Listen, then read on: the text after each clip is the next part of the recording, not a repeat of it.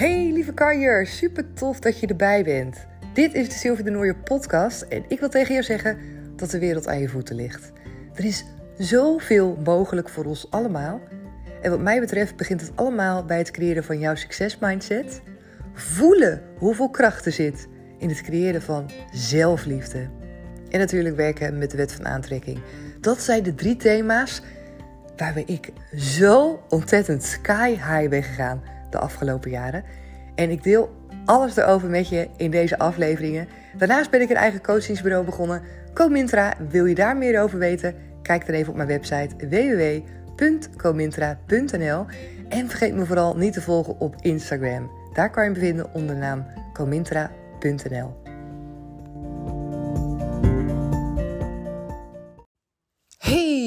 Wat tof dat je er weer bij bent op deze mooie maandag. Ik hoop dat je een fantastisch weekend hebt gehad. Ik wil met jou delen een momentje wanneer je samen met vrienden zit of met familie zit en je herkent van die uitspraken die je vroeger ook altijd hebt gehoord, maar waarvan je eigenlijk probeert los te koppelen, die je eigenlijk gewoon niet meer gelooft. En op het moment dat je ze hoort, denk je: oh ja, dit waren van die dingen waar ik uh, jarenlang uh, ook in heb geloofd.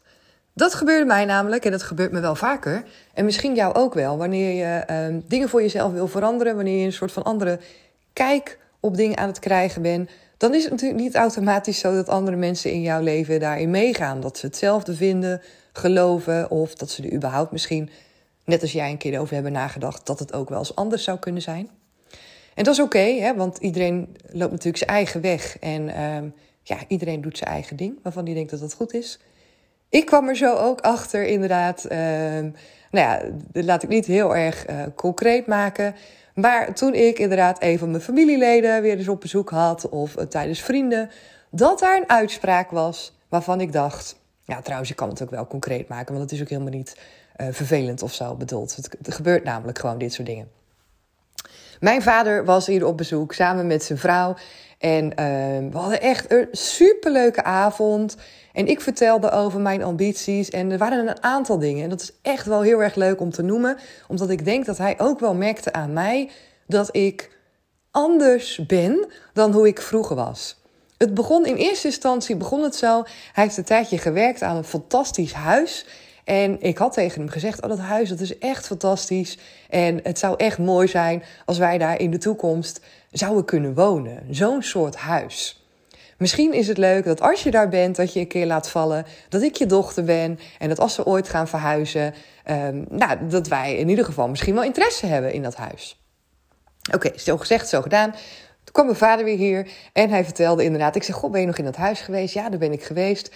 En die mensen, dat zijn mensen die zijn een jaar of negentig... die vertelden ook, uh, zonder dat mijn vader daarover begon, denk ik... die vertelden dat ze voorlopig nog niet weg wilden in dat huis... maar dat ze wel merkten dat het echt wel te groot werd voor hun twee. Ook met hun leeftijd. Dus ze wilden eigenlijk voornamelijk op de benedenverdieping gaan wonen... En dat er een aantal mensen ook al proactief een briefje in de bus hadden gedaan met: Goh, mochten jullie ooit uh, eraan denken om te gaan verhuizen, denk even aan ons, want uh, ja, wij vinden dit een fantastisch huis. Dus ja, ik zei natuurlijk ook tegen mijn vader van, oh, nou dan heb je natuurlijk gelijk wel even aangegeven dat je een fantastische dochter hebt die dit huis ook helemaal geweldig vindt. Nee, zei hij, nee, dat heb ik niet gezegd. Want dat huis dat is echt veel te duur en veel te veel onderhoud, veel te groot. En nee, dat is echt uh, niet, niet haalbaar, niet realistisch. En ik hoorde het zo zeggen en ik dacht, oh, dat is jammer. Dat is jammer. Ten eerste jammer dat je het niet hebt gezegd. Maar ten tweede jammer dat jij het als niet realistisch ziet. Want ik denk van ja, waarom niet? Je weet het niet. Ik heb geen glazen bol. Hij ook niet. Hoop ik in ieder geval. Misschien wel. Maar oké, goed. Ik ben daar voor de rest niet op ingegaan. Nou ja, prima, weet je, dat kan. Oké, vervolgens zei Remco in dat gesprek van ja, Sil heeft ook nog een heel leuk huis gezien toen we op vakantie waren in Burghaamstede. Laat het eens zien, Sil, dat huis aan het strand. Dus ik laat het filmpje zien, wat ik ook heb gedeeld destijds uh, in mijn stories van Instagram. Ik weet niet of je daarmee hebt gevolgd, maar het was een huis. Ja, wij zijn, ik ben echt helemaal weg van uh, het strand en de bossen. En wij zijn nu voor de zoveelste keer uh, op vakantie geweest in Burghaamstede. Is gewoon in Zeeland, eigen provincie.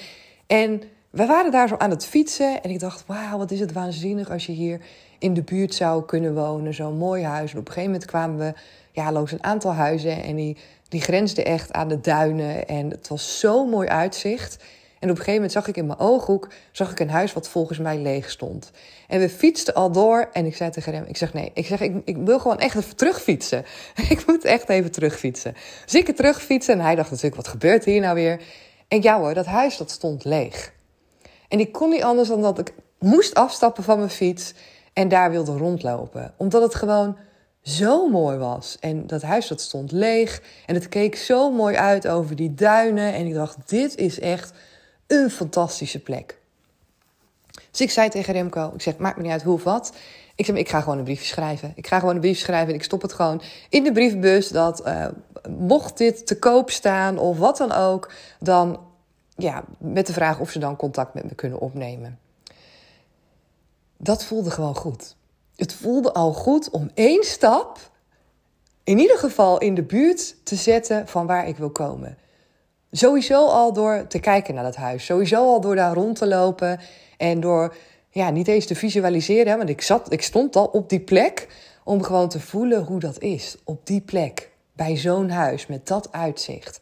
Nou, en vervolgens inderdaad toch um, de keuze te maken om gewoon een briefje in de bus te doen. Weet jij veel? Weet ik veel? Doe het gewoon. Echt van die geïnspireerde actie.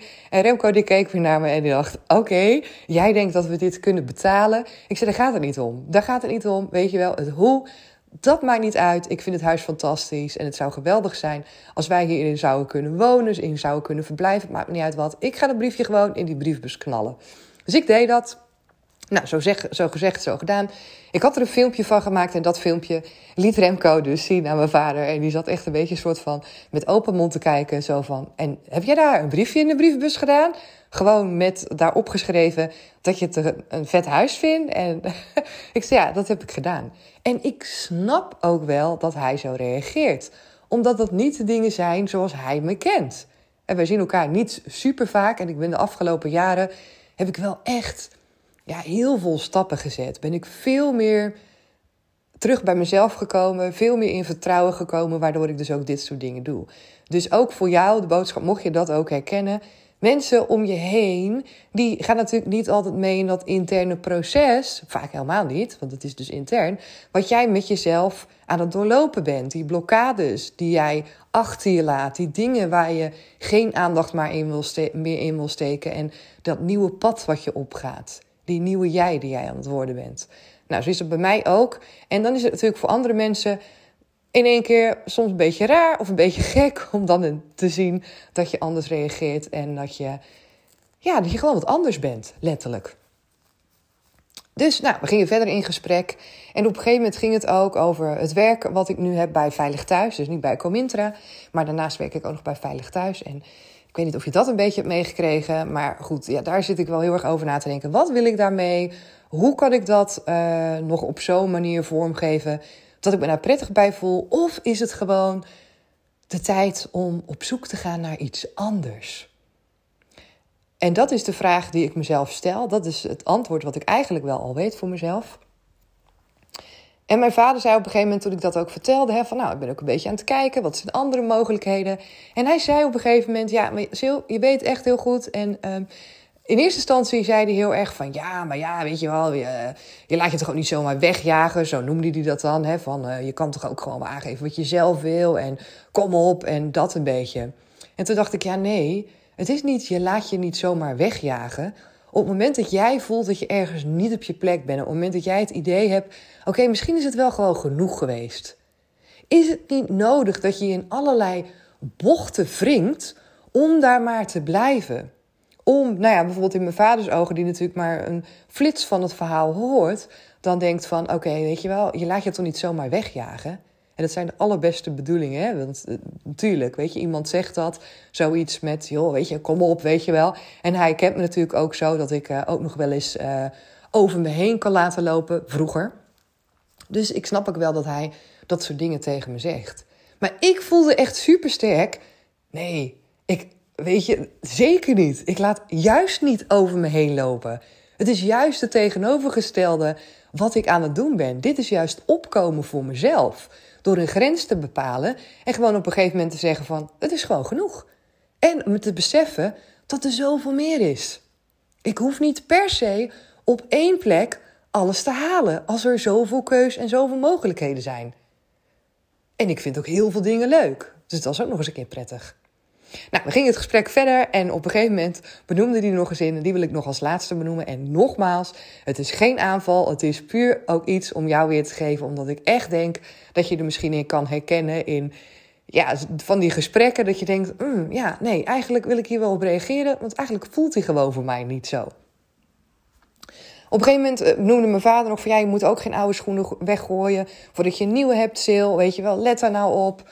En ook die voelde ik niet. En ik zat daarover te twijfelen, ja, ga ik daar iets over zeggen of niet? En ik heb het wel gedaan, omdat ik denk, ja, weet je, misschien is het ook een manier van kijken die voor mijn vader of hè, voor de anderen die erbij waren, misschien ook wel prettig is. Dus ik zei, ja, ik snap dat dat je dat zegt, maar daar zit ook op een gegeven moment een ding aan van, ja, hoezo niet? Hoezo zou je geen andere schoenen weggooien voordat je nieuwe hebt? Heb je er geen vertrouwen in dan, hè, dat er nieuwe schoenen komen? En ik wilde ook even extra benadrukken, en die is ook aan jou de boodschap. Tot wanneer hou je dan die oude schoenen aan? Totdat er gaten in zitten, totdat ze zo knel zitten dat je voeten er gewoon pijn in doen. En dat je maar denkt, ja, maar ja, weet je, die oude schoenen, die ga ik echt niet loslaten. En dat is namelijk wat ik vaak zie gebeuren. En wat ik zelf ook heb gedaan en waar ik nu dus heel erg alert op ben.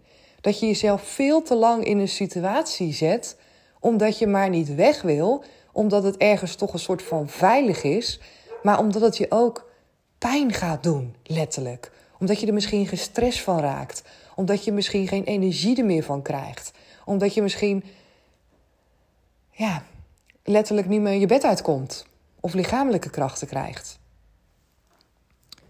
Als die oude schoenen, als je die met man en macht aan wil houden, omdat je nog geen zicht hebt op nieuwe schoenen, dan is dat in mijn beleving niet de juiste manier.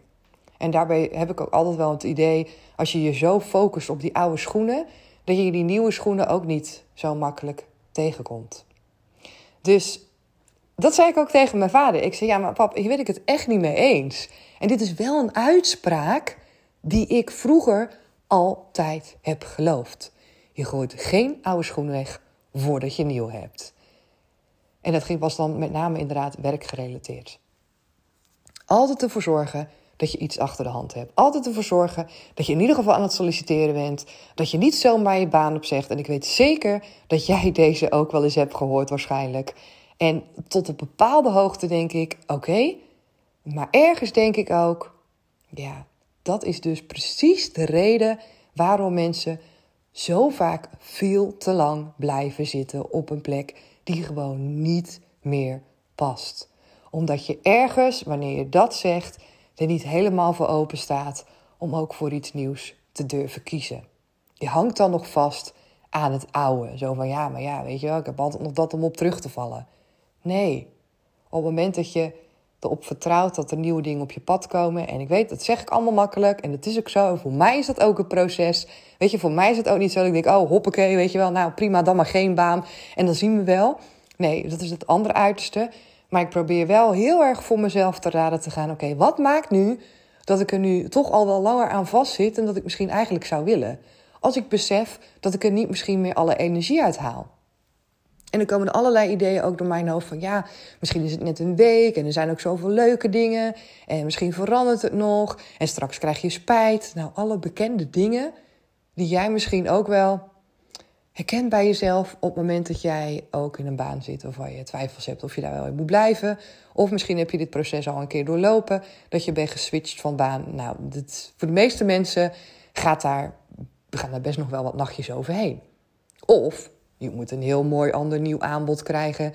En die nieuwe schoenen, wijze van spreken, die staan gewoon al voor je klaar om aan te trekken. Dat kan ook. Dus ja, ja, dat zijn van die dingen. En dit is dan een situatie waarvan ik dan merk van, oh ja, dat is wel heel mooi. Want zo wordt heel goed inzichtelijk dat ik dus echt gewoon aan het veranderen ben. Dat ik ben veranderd. En het valt me ook op dat wanneer er dus bepaalde dingen worden gezegd, waar ik dan echt van denk van ja, maar dit zijn echt uitspraken die wil ik gewoon niet meer hardop zeggen. En ik wil ook gewoon daar, dat is natuurlijk een keuze, hè. Van, ik, ik, ga ook echt niet in ieder gesprek overal op inhaken van... nou, zo vind ik het niet hoor. En uh, als zo'n zo'n grote smurf zo heel wijs zitten te doen. Nee, dat niet. Maar ik vind het wel belangrijk dat ik bij mezelf kan blijven. En op het moment dat ik dus een gesprek aanga... en in zo'n gesprek zit ik alleen maar ja te knikken... dan is dat voor mijn gevoel niet goed. Omdat ik me juist heel erg probeer te sterken in het verhaal... dat ik wel wil geloven. In de dingen waar ik wel sterk van word en waar ik me krachtiger door voel.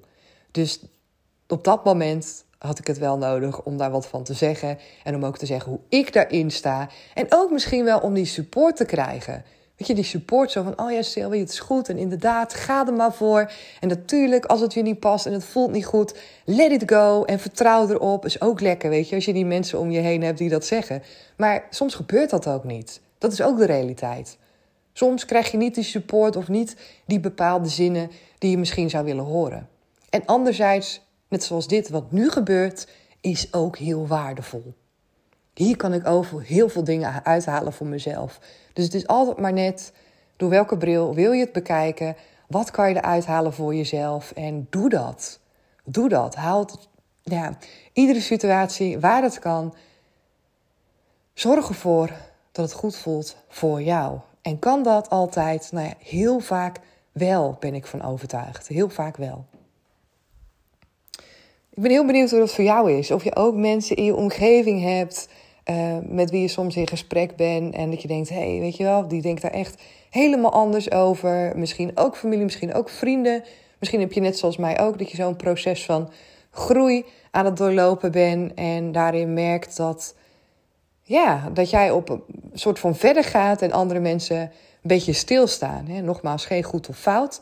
Maar je snapt echt wat ik bedoel op het moment dat jij, uh, dat jij dit ook hebt. Laat het me even weten. Ik ben super benieuwd uh, hoe jij dat ervaart en hoe jij ermee omgaat.